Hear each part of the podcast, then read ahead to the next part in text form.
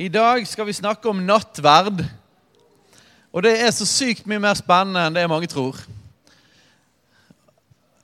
Og eh, hele denne her, eh, det vi kaller disippelskolen, det handler jo om eh, å leve som en etterfølger av Jesus, en disippel av Jesus. Fordi at vi har jo som et oppdrag som Jesus ga oss, var at vi skulle gjøre alle folkeslag til disipler. Sant? En disippel er jo en etterfølger av Jesus. Og, og så er det jo det en, en, en, fordel når vi skal gjøre andre til disipler, det er at vi er disipler. Er vi med på det?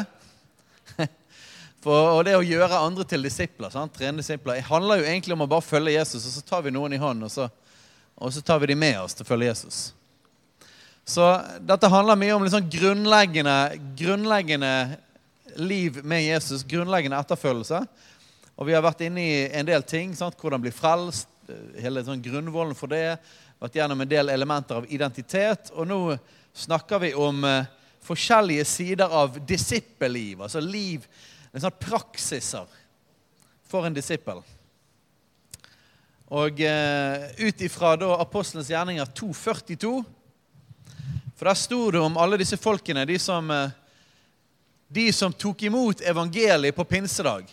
Altså de aller første, liksom, den aller første menigheten, de aller første kan du si, kristne etter Jesus hadde dødd og stått opp igjen, og Den hellige ånd hadde kommet. Sant? De, de første liksom, kristne i, i, i, vår situasjon. Går det an å si det? Og, eh, og, så står det om at disse her som ble døpt da, på pinsedag, de 3000, de holdt urokkelig fast ved noen ting. De holdt utrolig fast på, de tviholdt på. De holdt ut, de holdt det veldig høyt. Det var altså ekstremt viktig for dem. Og det var apostlenes lære, og det var samfunnet, det var brødsbrytelsen, og det var bønnene. Og nå i dag skal vi snakke om brødsbrytelsen. Forresten, for de som, eh, hvis det er noen som vil ha liksom, notatene og alle bibelversene og alt sånn fra ganger du ikke har vært her, så ligger alt sammen her. Så da er det bare å plukke hvis dere vil det. Så, det også, så er det òg en podkast eh, som heter Disippelskolen der all undervisningen er. Og man kan òg laste ned PDF-er. Så da er det alle muligheter vet du, hvis du vil ha eh, Guds ord inn. Så disse folkene de holdt fast på disse tingene. Så de, Det betyr at de syntes at brødsbrytelsen, nattverden, faktisk var ekstremt viktig. Det var liksom en av de fire tingene så de sa liksom at dette her, det holdt de fast på. Dette var viktig. Eh, og jeg vet ikke helt hvordan det er med deg. Kanskje du virkelig har fått liksom og syns dette med natter er fantastisk. Jeg håper det. Eh, men jeg vet at i liksom sånn pinsekarismatiske settinger som, som, oss, da, så har det i alle fall før vært litt sånn her eh, Man har forbundet nattverd litt med liksom Den norske kirke og den katolske kirke og høykirkelighet. Og så har vi liksom vært litt i reaksjon på det. Så har vi dysset ned liksom viktigheten av nattverd. Det har vært veldig vanlig i karismatiske sammenhenger. Jeg håper ikke det er sånn i ditt liv. Men det betyr at vi trenger å forkynne Guds ord om de tingene der. For at vi skal få tak i liksom, hva er dette faktisk, hva er dette her greiene her? Og hvorfor er det så sentralt? Og hvorfor var det så sentralt for de første kristne? Så første punktet der nattverd, måltid og fellesskap. Um, på Gjerninger 2,46. Hver dag kom de trofast og med ett sinn sammen i tempelet, og i hjemmene brøt de brødet og holdt måltid med fryd og hjertets oppriktighet. Så det betyr at, at, eh, nattverd Det er jo flere forskjellige begreper for det. Det er liksom det som er blitt det vanligste norske begrepet. Det er jo egentlig litt teit at vi valgte det ordet. For nattverd betyr egentlig bare kveldsmat. Så det er ikke så veldig mye sånn dyp bibelsk mening egentlig det ordet. Men nå er det blitt et gammelt ord, så, så, så det, er liksom, det, er det vi bruker. Brødsbrytelse er jo et annet. Eh, Herrens måltid, det er det Paulus kalte det når han skulle liksom gi litt instruksjoner til hvordan de skulle gjøre dette her i menigheten i Korint. Herrens måltid. Um, men uansett hva vi kaller det, så er det rett og slett i selve ordet nattverd er det faktisk at man spiser. Uh, og, og, alt dette peker tilbake igjen på påskemåltidet som israelittene hadde i Egypt. Sant? Siste kvelden før skulle før Gud reddet de ut av Egypt, ut av slaveriet, så skulle de ha et måltid som de skulle fortsette med etter dette. Til å alltid minnes det Gud hadde gjort med å ta de ut av slaveriet. Så allerede der så ser vi at eh, her er det, dette, dette, dette er et måltid, det er et ordentlig spising. Men det er et måltid som har en mye dypere betydning enn bare en helt vanlig, vanlig middag eller kveldsmat. Eh, og, og, der ser vi allerede Vi skal se litt på litt senere, men der har du allerede det med lammet og blodet og alle disse tingene helt fra starten av. Og det var dette Jesus og disiplene feiret når han innstiftet nattverden. Så det var settingen. De hadde påskemåltidet. Så da spiste man sammen. Man hadde fellesskap. Vet dere det at, eh, at å spise sammen er en av de viktigste elementene i det å ha fellesskap? Spising er Jeg har kanskje nevnt det flere ganger i forbindelse med fellesskap og menighet. Men det er jo, for en familie så er det å spise sammen ekstremt viktig for enheten i familien. Så familie og fellesskap og måltid er veldig tett knyttet sammen. Og, og spise sammen er ikke bare liksom en sånn eh, kjødelig fysisk ting. Nei, det er en dypt åndelig ting. Spise sammen og fellesskap viktig.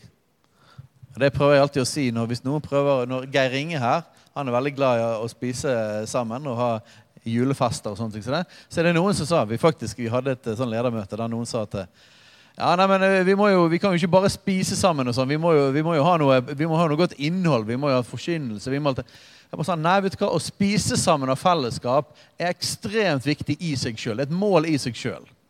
Det er en veldig viktig del av det kristne fellesskapet. Og Spising er tilbedelse.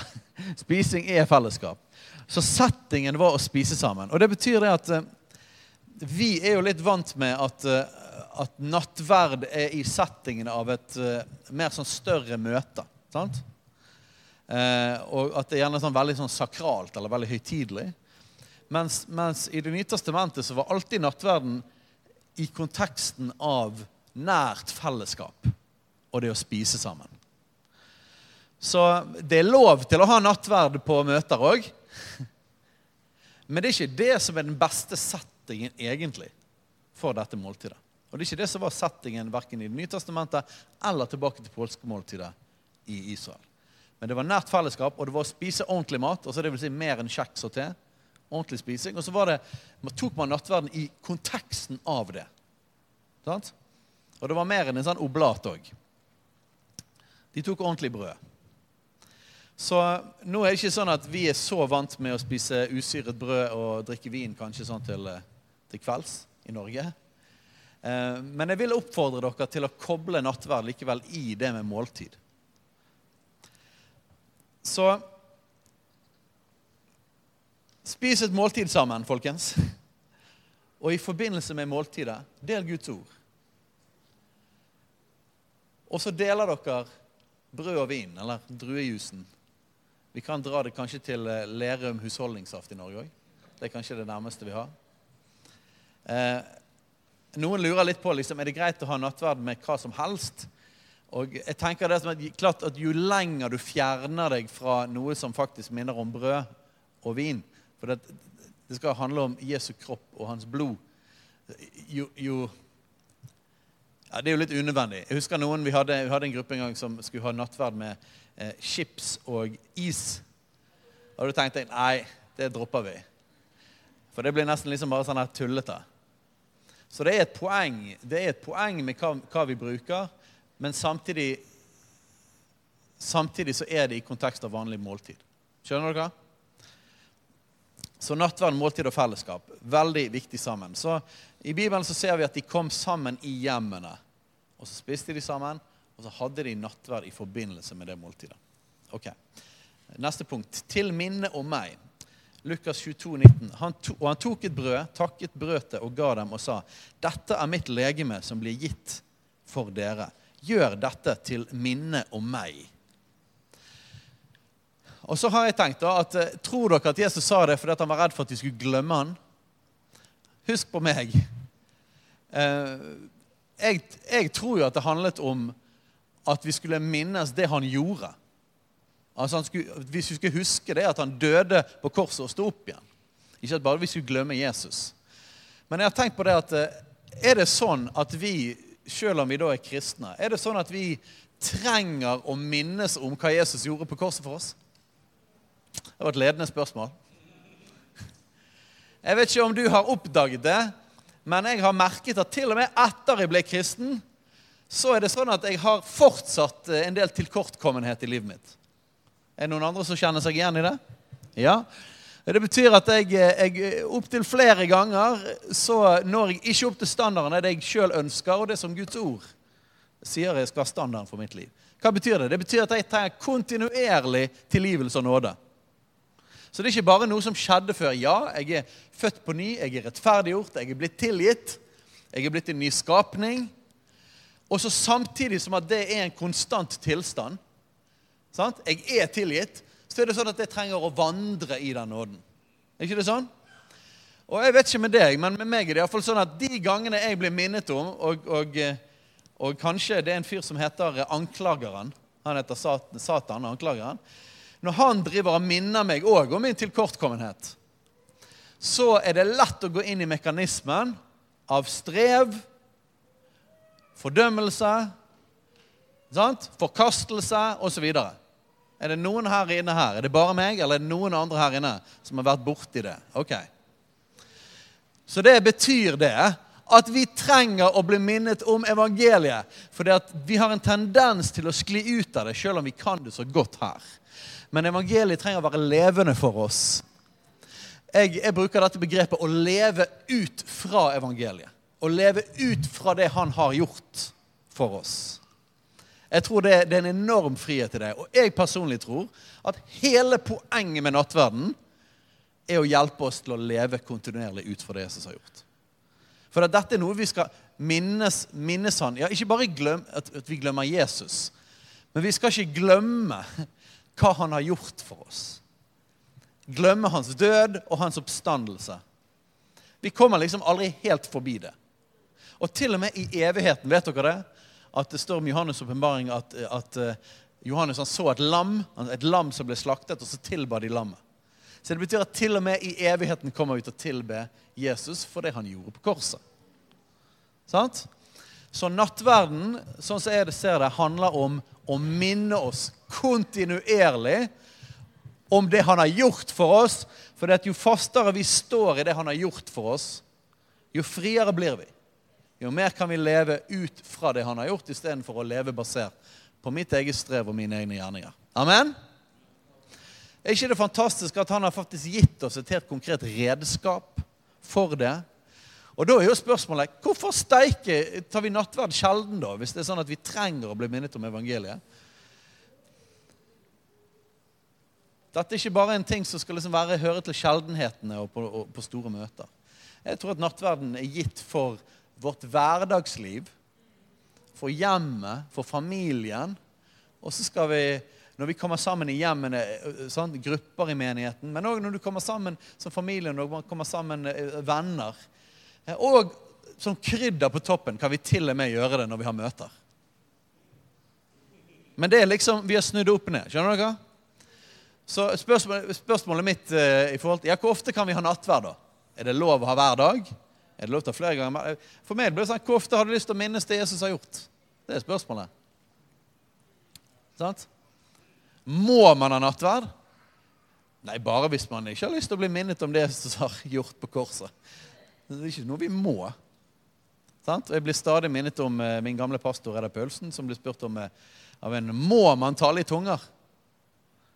Og så Ut fra dette bibelverset om at den som taler i tunger, oppbygger seg sjøl, sa han nei. Du må ikke tale i tunger. Bare de som blir, vil bli oppbygget, må tale i tunger.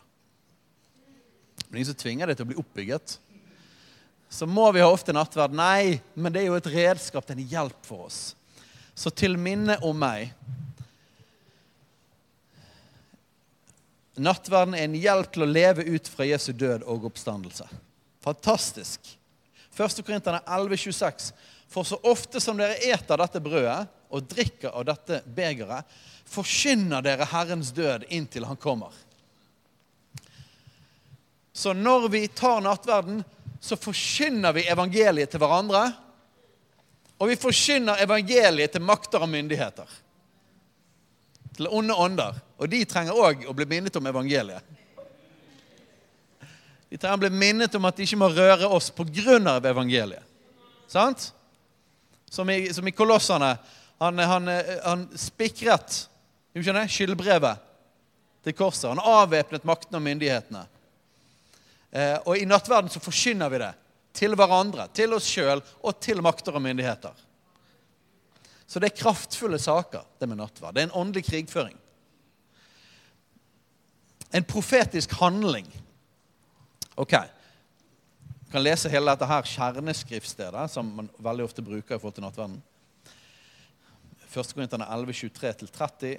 For jeg har mottatt fra Herren det som jeg også har overgitt til dere, at Herren den natten han ble forrådt, tok et brød, takket, brøt og sa:" Dette er mitt legeme, som er for dere.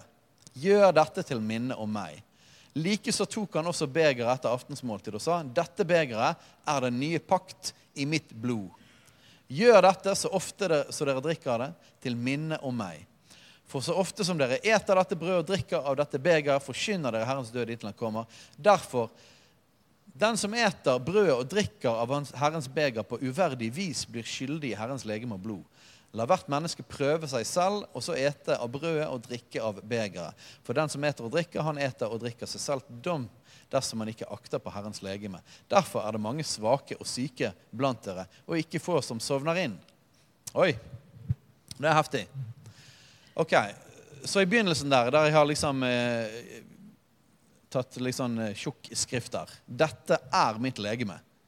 Dette begeret er det nye pakt i mitt blod. Dette er mitt legeme. Jeg skal ikke gå dypt inn i sånn nattverdsteologi og forskjellige syn på dette. og sånn. Men jeg skal bare enkelt og greit det, si det som jeg tror er et bibelsk syn på nattverden. Er den grei? Takler vi det?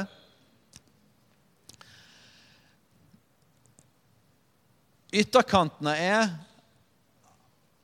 I den katolske kirke så tar man veldig på alvor dette her med at 'dette er mitt legeme, dette er mitt blod'.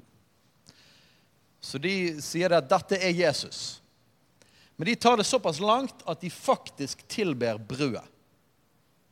Det har vært i katolsk kirke. Der er det sånn brød oppi en monter.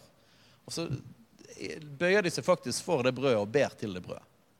For det er Jesus. Sant? Og så må de som de kjent drikke opp alt sammen. og sånn som der. Så jeg vil si at de drar det for langt.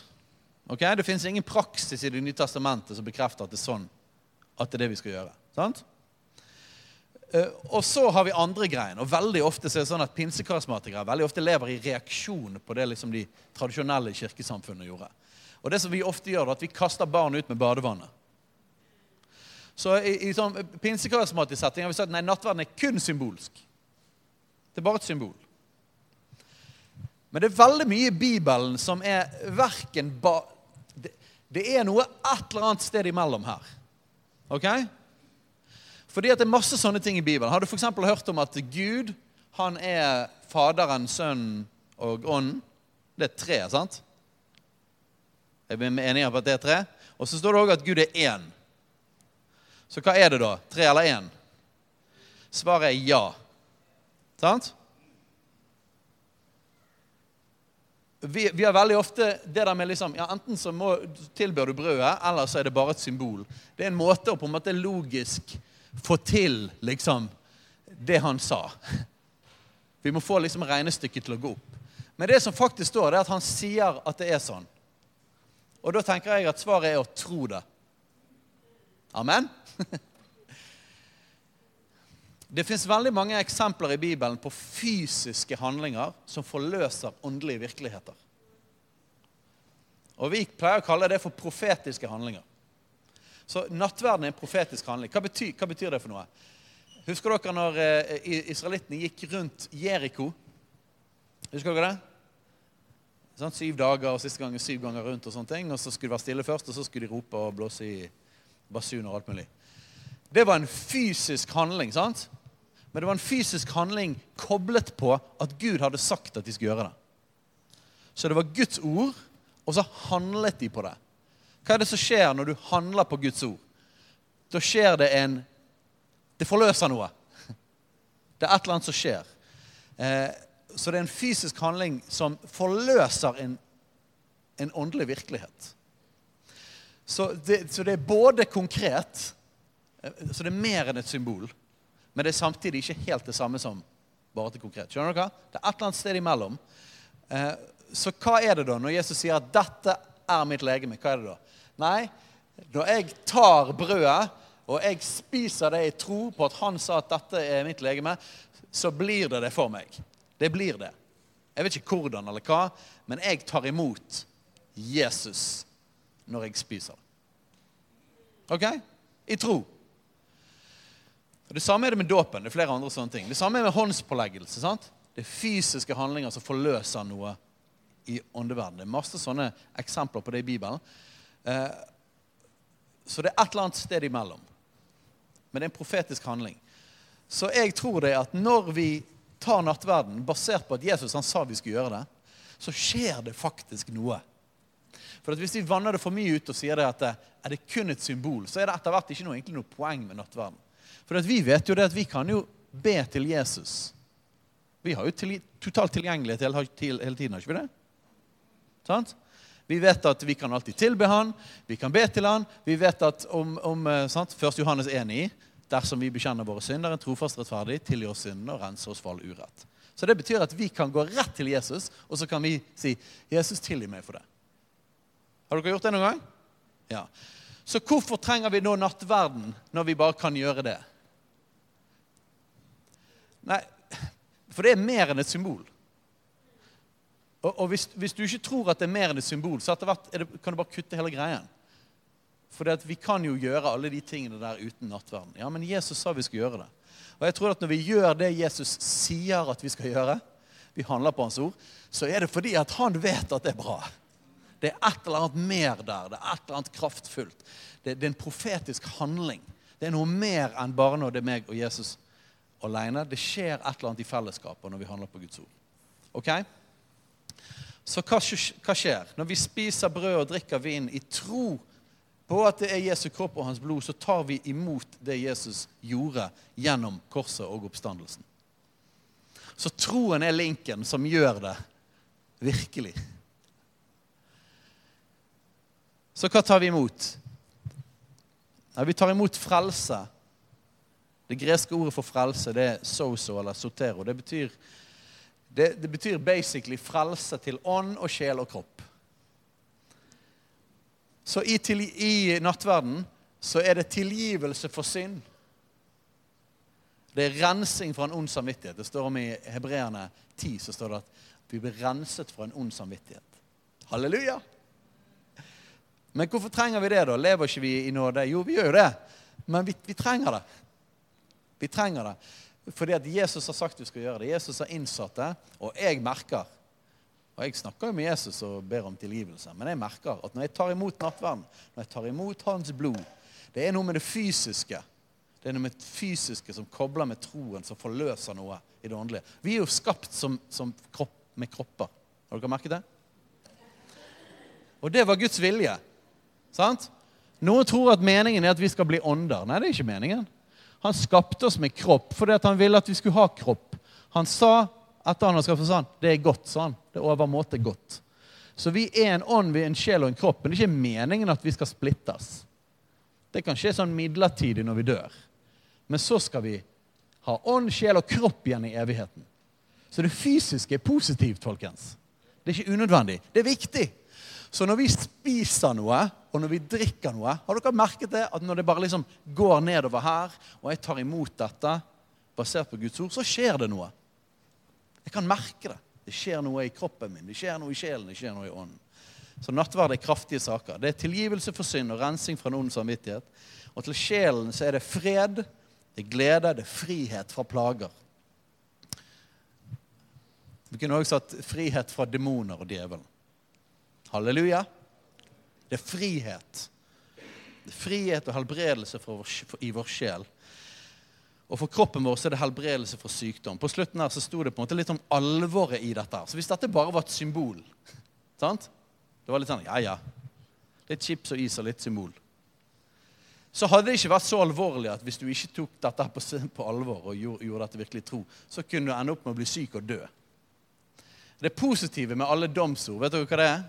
Har dere tenkt på det noen gang? Hvis du snur domsordene opp ned, så blir det et løfte. Woohoo! Jeg pleier å si det når i Malakias når det står der at han skal vende fedrenes hjerte barna og barnas hjerte fedrene. Sånn at han ikke skal komme og slå landet med bann, står det. Så det betyr at hvis det er splittelse mellom generasjonene, så er det forbannelse over oss. Men så kan vi jo snu det opp ned og så kan vi si at hvis det er enhet mellom generasjonene, så er det velsignelse. Og det er det samme her. Ja, Hvis vi ikke akter på Herrens legeme, så er det faktisk sykdom og død. Men hva hvis vi faktisk har åpenbaring på dette da, og tar det på alvor? Hva blir det da? Det blir helse og helbredelse. For dette er noe veldig kraftfullt. Så hva med at vi blir en gjeng som der det ikke står 'Derfor er det mange svake og syke iblant dere, og ikke få som sovner inn'. Men at heller det er sånn at fordi dere virkelig har fått oppbevaring på dette med nattverd og praktiserer det, så er det så utrolig mange friske hos dere, og utrolig mange som blir helbredet. Amen? Så vi kan ta ethvert domsord.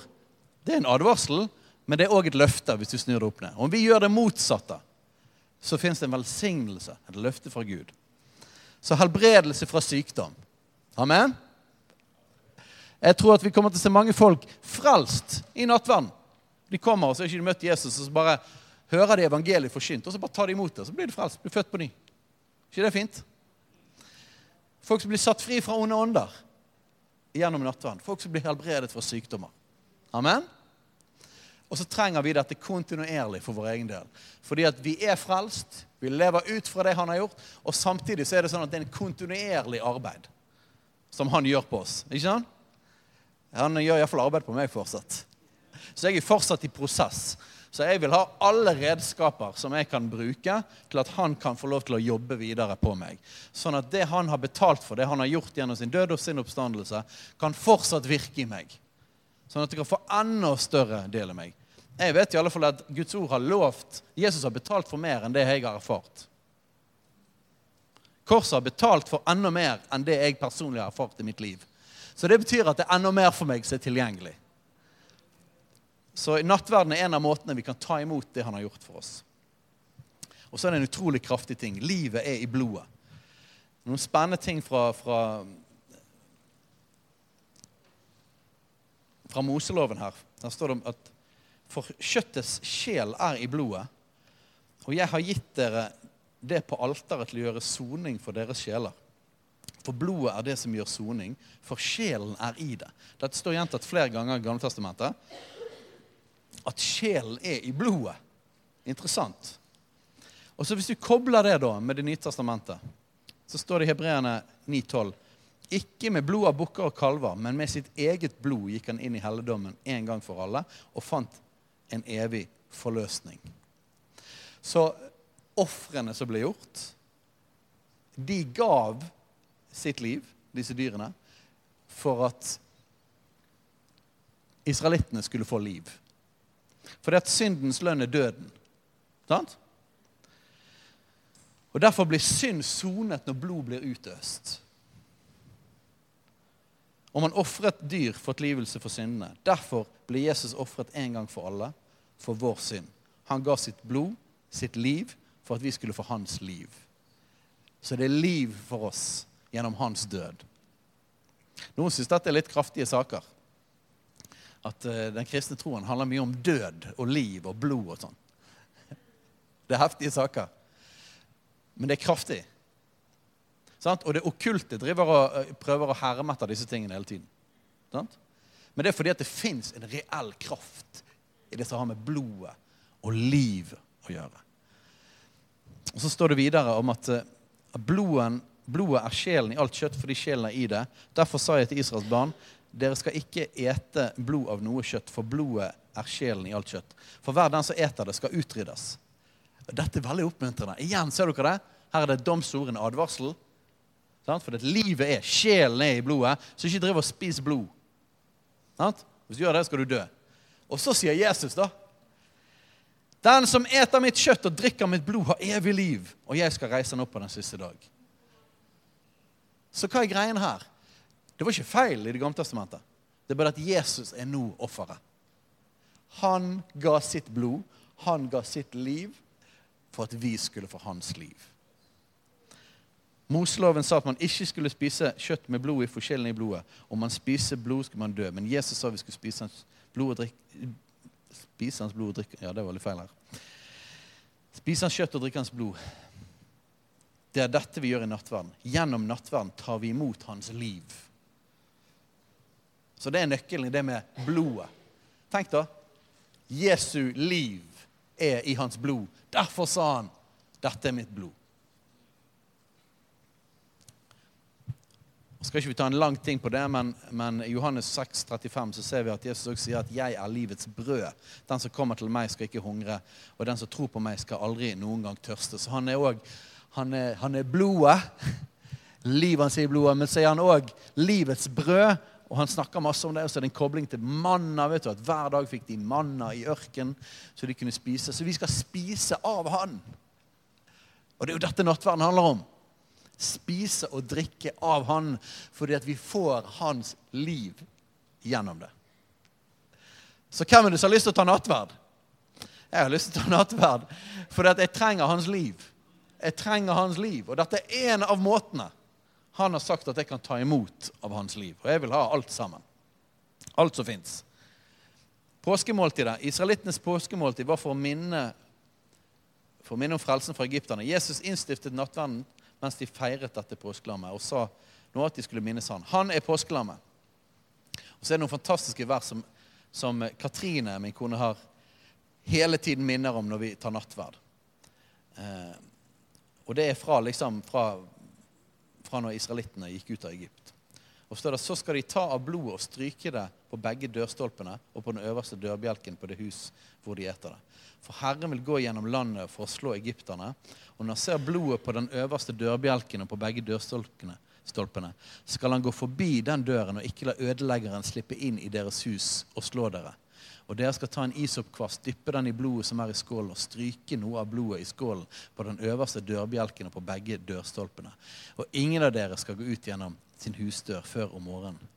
Når de strøk blodet på sitt hus, så var de beskyttet fra døden.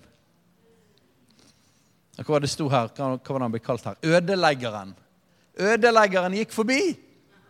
Er det noen som har lyst til at ødeleggeren skal gå forbi? Folkens, la oss bruke dette med Jesu blod. La oss stryke Jeg vet det høres vulgært ut, men sånn er det. Det er ikke min idé. Dette, dette er språket i Bibelen. La oss stryke Jesu blod på oss. Amen. Det var en bekreftelse der. Halleluja, dette er viktig. La oss stryke Jesu blod på våre liv. Sant? Og på våre hus. På der vi bor. Jeg har eh, steder Det, jo, det kan jo være litt morsomt med, med å komme overta hjemmet til en karismatiker. For eh, det kan jo være en del sånn olje og forskjellige rare ting rundt omkring på vegger. og Faktisk, når vi, skulle, når, vi, når vi, skulle, male en del vegger her, da, så var det noen Det var Kristine Winberg. Hun sleit så veldig med å male et sted. Det var, malingen hang ikke. Og så oppdaget jeg at det var et kors av olje. Og det var faktisk fordi at når vi flyttet inn her ganske sånn tidlig, så tok Samuel og gikk rundt i hele bygget her og salvet alt sammen. Så det ble litt problematisk når vi skulle male. det er nydelig. Et nydelig, nydelig problem. Men jeg har hatt en del steder der jeg har eh, sant, bare liksom tørket vin på, på døra. Jeg hadde, på døren var jeg bare sånn her, og jeg tror jeg må jeg var litt sånn Går det greit at jeg vasker det vekk? Håper ikke den profetiske betydningen forsvinner etter at jeg vasket det vekk. Men, eh, men jeg har hatt litt sånn blod på dørstolper og sånn hjemme. da. Men poenget er det at, eh, at det handler om å ta det Jesus gjorde, og så bruke det. Bruke det aktivt som et våpen i vårt liv, i vårt hverdagsliv. Bruk Jesu blod. Og husk at Hele påskehistorien fra, fra når israelittene gikk ut av Egypt, var et profetisk bilde på det Jesus skulle gjøre. Så det er Jesu blod som er den endelige oppfyllelsen av dette. Så la oss stryke Jesu blod på våre liv, sånn at ødeleggeren skal gå forbi. Amen? Bruk Jesu blod aktivt i vårt liv til beskytte mot, beskyttelse mot døden og djevelen, ødeleggeren. Ok, et kort punkt her. Nattverden er en proklamasjon av enhet. Proklamasjon det er jo et vanskelig, vanskelig ord. Altså, eh, det er en forkynnelse, en tydeliggjøring. Det er, det er, et profetisk bilde, det òg. En profetisk handling. Eh, 1. Korinterne 10, 17, der står det at fordi det er ett brød, er vi ett legeme enda vi har mange, for vi har alle del i det ene brødet. Så nattverden er et fellesskapsmåltid. Så der ser du poenget. Det er lov til å ta det alene, men beste settingen for nattverd er sammen med andre. For dette er en sånn felles proklamasjon. Og eh, det er et fellesskapsmåltid, og det viser at vi er ett. På samme måte som det er ett brød, så er vi én kropp. Hvordan er det det funker, da? Nei, men det er jo sånn at Vi er jo Jesu legeme. Er ikke det sånn? Så her, er det heftig, her blir det bilder på bilder, og det blir ganske svulstig og heftig. Men altså, vi er Jesu legeme, og vi eh, tar imot Jesu legeme, og vi spiser Jesu legeme, og vi, vi er én kropp. Det er det det betyr. Vi er ett med Jesus, og vi er ett med hverandre. Og nattverden er en profetisk bilde, en feiring av nettopp det. Så la oss bruke det eh, i, i fellesskapet. Tenk så herlig, da. Tenk hvis vi bare basert på det ordet Hvis det var splittelse i familier eller det var splittelse i relasjoner. Så bare, folkens, la oss, la oss ha nattverd sammen. La oss bare løfte blikket nå, la oss fokusere på Jesus, på hans død, hans oppstandelse, det han har gjort. Og, og bare erklære det at fordi at det er ett brød, det er en kropp, så er vi ett. Tenk hvis at splittelse kunne blitt brutt. Da. Tenk hvis, tenk hvis om, om, om, brutte familier og relasjoner kunne bli helbredet fordi at vi tok nattverden og forkynte det at vi er ett. Ser dere det? Bruk det. Bruk nattverden som et våpen. Og så her en, en veldig sånn praktisk greie om den siste biten. Nattverd i disippelgrupper eller i familien og lignende. Eh, jødene var jo sånn at Jeg hørte akkurat en, en eh, jødisk lærd som snakket om dette her med med hvordan familien var kjernen av den jødiske tro. At det var i hjemmet og i familien og rundt måltidet. Var liksom, det var liksom det aller viktigste. Aller, den største kjernen i, i den jødiske tro. Og og eh, det gjelder ikke bare for jødene. Dette er en sentralt tema gjennom hele Bibelen. Så ha nattverd i familien, folkens. Ha nattverd i hjemmet. Ha nattverd med de man bor med. Så her er det en veldig sånn praktisk måte vi kan gjøre det. Og så er det sånn PS her. Alle kristne kan lede en sånn nattverdssession og dele ut. Ok? Du må ikke være biskop eller eh, prest eller et eller annet. Men dette er en del av å være, eh, være en troende, en kristen. Eh, det er ikke noe galt at, liksom, at, at når man gjør det i en meningssetting, at ledere liksom leder det. Det er ikke noe galt i det. Men det kan skape et bilde av at det er kun sånn at det er det som er på en måte rammen for det. Men du ser i Bibelen så er det et fellesskapsmåltid. Så alle kan gjøre dette. Det er, så det handler ikke om hvem man er, men det handler basically om hva man gjør. Og det handler om fokuset på Jesus og det han har gjort. Så her er en praktisk måte å ha nattverd sammen. Så nummer én spise sammen. Jeg har jo nevnt disse tingene her, men dette er en liksom sånn praktisk guide på slutten. her da. Så ta og så spis sammen med noen. Eller i en setting der du faktisk allerede spiser med noen. Gjør det til en vane at i denne settingen her så kan vi ta nattverd. ok? Jeg anbefaler helt praktisk her å ikke begynne med nattverd. Hvorfor det? Fordi at når man er sulten, så blir man så utrolig uh, utålmodig. Er det noen som har vært med folk som ber altfor lenge på maten? Jeg har hørt historier om Håkon Fagervik annet, som kan be liksom gjennom hele verden liksom, før man skal spise. Og det, Jeg eh, sverger til korte bønner i starten av måltidet. Og så kan man spise. Men så liksom når man har eh, spist ferdig, og det begynner å nærme seg slutten, og, og, og, man sitter og prater, da er det et godt tidspunkt. Ok, skal vi løfte blikket på Jesus og feire nattverd i forbindelse med dette måltidet? Så spise sammen, det, det er nummer én. Hvis du ikke får til det, eller det er helt upraktisk, og sånne ting, så går det an å hoppe over det punktet. Men jeg anbefaler igjen prøv å koble det med å ha måltid sammen. Sant? Nummer to forkynn evangeliet. Sant? De samme versene som vi har gått gjennom der. Men, men nattverden er altså en forkynnelse av Herrens død. Så nattverden i seg sjøl er en forkynnelse av evangeliet. Eh, og grunnen til at vi har nattverd. Men det er klart at en av de viktigste måtene til å sette fokus på hva vi faktisk gjør her, Sånn at det ikke bare blir en fysisk ting eller bare en symbolsk ting, men det blir noe som faktisk blir gjort i tro og åpenbaring. Noe som vi faktisk connecter med hva Jesus har gjort. Så anbefaler jeg å dele Guds ord. Så finn et eller annet bibelvers som handler om det Jesus gjorde for oss. Og det er masse gode alternativer. Men et eller annet bibelvers. Og én ting her. Jeg tror det er viktigere at du får delt et eller annet om Jesu døde oppstandelse. Det er viktigere enn at du må lese akkurat den klassiske nattverdsteksten. Skjønner dere?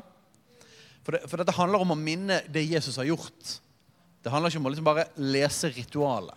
ok? Men, og Noen ganger kan det være en fordel å bruke forskjellige vers.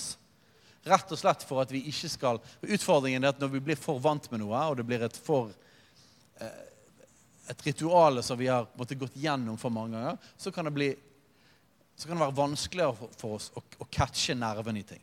Sant? Eh, så vi trenger som mennesker så trenger vi rent pedagogisk å forandre på ting litt for å bli minnet om hva egentlig poenget her var. Sånn at du ikke bare gjør det på autopilot. For at åpenbaringen i dette, å virkelig koble med det som er gjort, er jo noe av nøkkelen her. Så gjerne bytt mellom bibelvers. Eh, og jeg har eh, lagd en liste. Jeg hadde skrevet de ut ordentlig, men det blir ikke plass. Så her er bare referansene. Men her er en haug med, med vers som du kan ta. Så hvordan gjøre det, da? Nei, bare slå opp Bibelen, eller bare ta opp uh, telefonen, og, og, så tar du et av disse versene her, og så leser man det. Og så kan man bare dele kjapt rundt det. Ikke noen sånn her voldsom, lang forkynnelse, men bare sånn her Wow! Tenk det Jesus har gjort. Han. Bare minnes om, snakk litt rundt det verset der. Noen kan dele fra det, noen andre kan kanskje gi litt respons på det. Og så, så merker dere har, dere har dere opplevd dette her? At med en gang du begynner å dele noe fra Guds ord, så er det akkurat sånn Helligånd bare begynner å ta tak i det. det sånn, Oi, dette var gøy. Og Så begynner Den hellige ånd å bevege seg, og så merker man åpenbaring. Man merker at man kan koble på det. Og jeg, jeg må si det sånn, iallfall for min del, så er det ingenting som beveger Den hellige ånd raskere enn å snakke om Jesu døde oppstandelse. Han er utrolig glad i at når vi snakker om akkurat det. Det bare sånn, Woo! Så bare kjenner du at djevelen han liker det ikke. Vi merker at fordømmelsen og ting bare, det bare slipper taket. Anklagene det slipper taket. Vi bare minner oss sjøl om Guds ord og det Jesus har gjort for oss. Så bare del et vers. Del på, bare Vær inni det. Og da er dere klar. ok? Da er vi klar. Yes! Vi har blikket på Jesus og fokus på det han har gjort. Og da deler vi Jesu kropp og Jesu blod. Og Her er et eksempel, en måte man kan gjøre det. Man, kan, man deler ut brødet først. Så kan man f.eks. si Jesu kropp brutt for deg. Jeg anbefaler å bruke ordet kropp istedenfor legeme. Hvorfor det? Det er fordi ingen av oss sier legeme til vanlig. Og det er ikke sånn at Jesus sa legeme. Dette er jo bare et norsk, gammelt ord som er oversatt. Så ordet kropp, det gjør det mer håndfast. Gjør det nært, gjør det levende. Ikke la det forbli liksom der borte, eller sånn fjernt ritual. Nei, det er Jesus sin kropp. Dette er Jesu kropp brutt for deg. Og så del ut Her står det feil igjen. Del ut vin eller druejusen. Jesu blod utgitt for deg. Utøst for deg, eller utgitt, men si et eller annet sånn som det der. Og så er det, det kan være bra å, at ikke bare én deler ut, men gjerne gjør det i ring. Gi det til hverandre. For det har med fellesskap å gjøre. Det har med å, å involvere folk.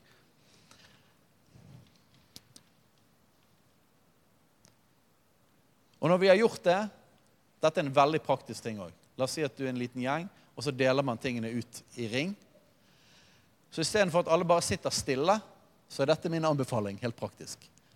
Bare med en gang dere har begynt med det, så ta og begynn å bare takke Jesus. Bare begynn å takke Jesus. Og så går det der en stund. sant? Man deler ut til hverandre. Og så takker man Jesus. Hva for da? Nei, Man takker for Takk, Jesus, for at du tok alle mine synder. Takk for at du har renset meg. Takk for at du har gjort meg hel. Takk for at du har frelst meg. Takk for evigheten. Takk for at du elsker meg. Takk for at jeg er ditt barn. Takk for alt du har gjort. Takk for at du sto opp igjen. Takk for at du vant over djevelen. Takk for at du seiret over døden. Og så tar dere og takker litt popkorn rundt og bare 'Takk, Jesus, for det du har gjort for meg'. Jeg skal love dere at det er oppmuntrende å dele Guds ord om det han har gjort for oss. Og så tar vi Jesu blod og hans kropp, Og så takker vi ham for det han har gjort. Kraftfulle saker. Og etter det, hvis man har lyst For den takken det, det, glir jo veldig lett bare over i lovprisning og lovsang. Og hvis dere vil, så er det bare å synge. Fyre på og synge. Påskemåltidet, da sang de jo gjennom eh, masse salmer. De sang lovsangen. En, hva, hva salme er det, Fredrik? Salme 13, 113 til 118. Ja, det er en haug med salmer der. En lang, lang, De sang gjennom hele greien. Så lovsang passer jo godt inn i det. Men, men, i alle fall ta takk Jesus i forbindelse med at man har delt ut nattverden. Og så er det en fantastisk ting det at når man har fokusert på det han har gjort, folkens å, Dette er en så viktig nøkkel. Det er så simpel ting, men så kraftfullt. Når du har fokusert på det han har gjort, så er det en helt annen posisjon du kan be inn i problemer fra. Sant? Istedenfor å begynne i problemene og behovene, så begynner vi i hans død og hans oppstandelse. Og så takker vi ham for det, og så merker vi wow! Jeg har styrke, jeg har kraft.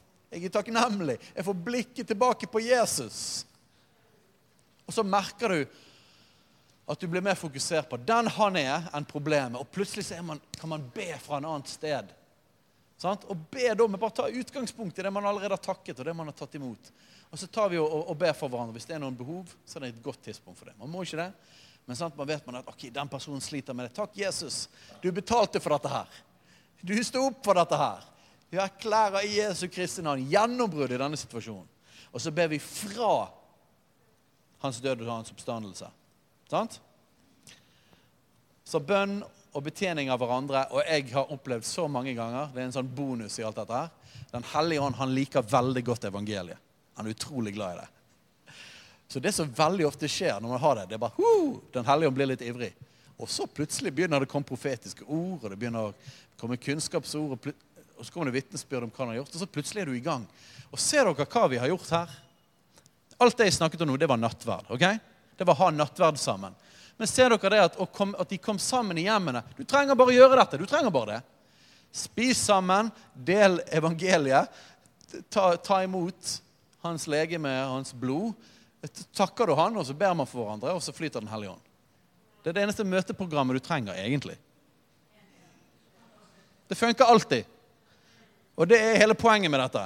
Dette er et redskap til oss for å minnes det han har gjort, og for å koble oss inn i kraften av evangeliet. Amen.